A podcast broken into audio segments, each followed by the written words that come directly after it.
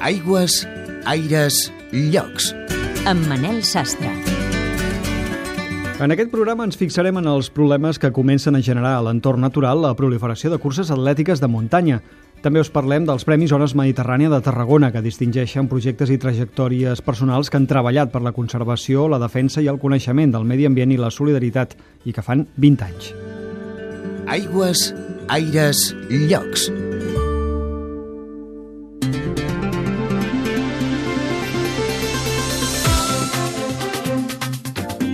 L'afició a les curses atlètiques i maratons, que no paren d'augmentar a Catalunya, s'ha traslladat també a la muntanya.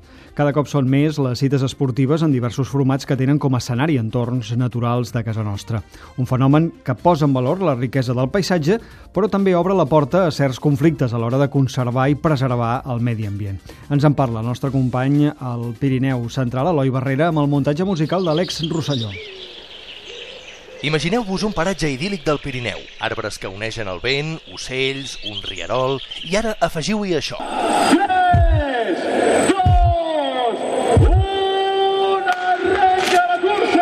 És la situació que es genera amb algunes curses de muntanya, una activitat en expansió que comença a plantejar problemes de convivència entre esport i medi ambient. A Catalunya es fan unes 1.500 curses l'any, una mitjana de 25 per cap de setmana. Eduard Plana, cap de Política Forestal i Governança Ambiental del Centre Tecnològic i Forestal de Catalunya. El risc de les curses de muntanya es pot re resumir amb una frase, que és que morin d'èxit, que fins i tot en alguns casos es donen problemes de massificació. Una activitat que canvia la manera d'acostar l'esport a la natura. Ara molta gent va a la muntanya a competir més que a gaudir de l'entorn. Albert Jorquera i Núria Piques, corredors professionals de curses de muntanya. per entendre doncs, que estan en un medi que, que és sensible i que si no el tractem bé, doncs, evidentment el podem danyar. sigui conscient d'on se posa, què és el que està fent, que tingui molta cura a l'hora d'adquirir un dorsal i, i de sortir a la muntanya. Amb les curses de muntanya s'introdueix una activitat intensiva en un entorn sensible i això provoca conseqüències que no s'havien calibrat fins ara. Implica molta gent passant per un lloc amb molts valors naturals, sensible a efectes de l'erosió, impactes sobre la fauna, eh, sobre la flora, Misericòrdia Montllleó, directora de la Fundació Mont Rural. Eh, hi ha com dos o tres responsabilitats. Una és la implicació directa del corredor, és la de les empreses que organitzen aquestes curses i tercera doncs, és el territori o l'administració local que és la més propera on es desenvolupen.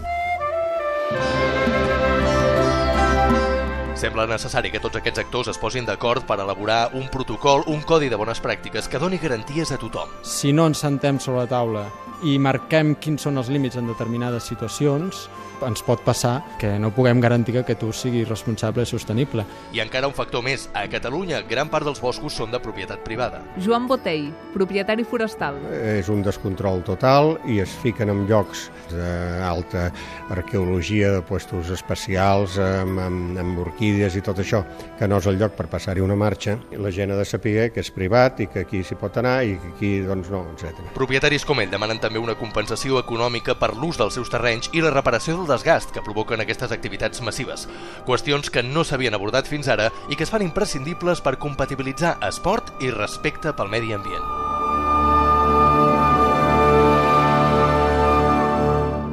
Les veus dels llocs.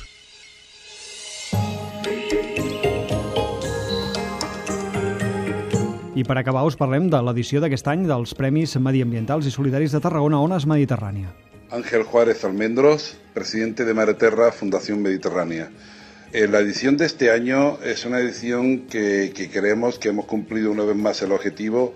Son muchos premiados ya, 20 años dando premios y celebrando y aplaudiendo el medio ambiente, la naturaleza, la cultura solidaria, eh, con más de 300 ya que, de premiados que han pasado eh, durante todos estos años. Decir que una vez más eh, hemos cumplido el objetivo. Sirva de ejemplo Gervasio Sánchez, eh, reportero de guerra José María Guedes Líbana o Juan de Dios Ramírez Heredia, entre otros, y creemos que una vez más hemos conseguido que los premios sean interesantes, capten la atención del público y lo más importante, podamos hacer de altavoces a todas aquellas eh, entidades y personas que están trabajando por todo esto.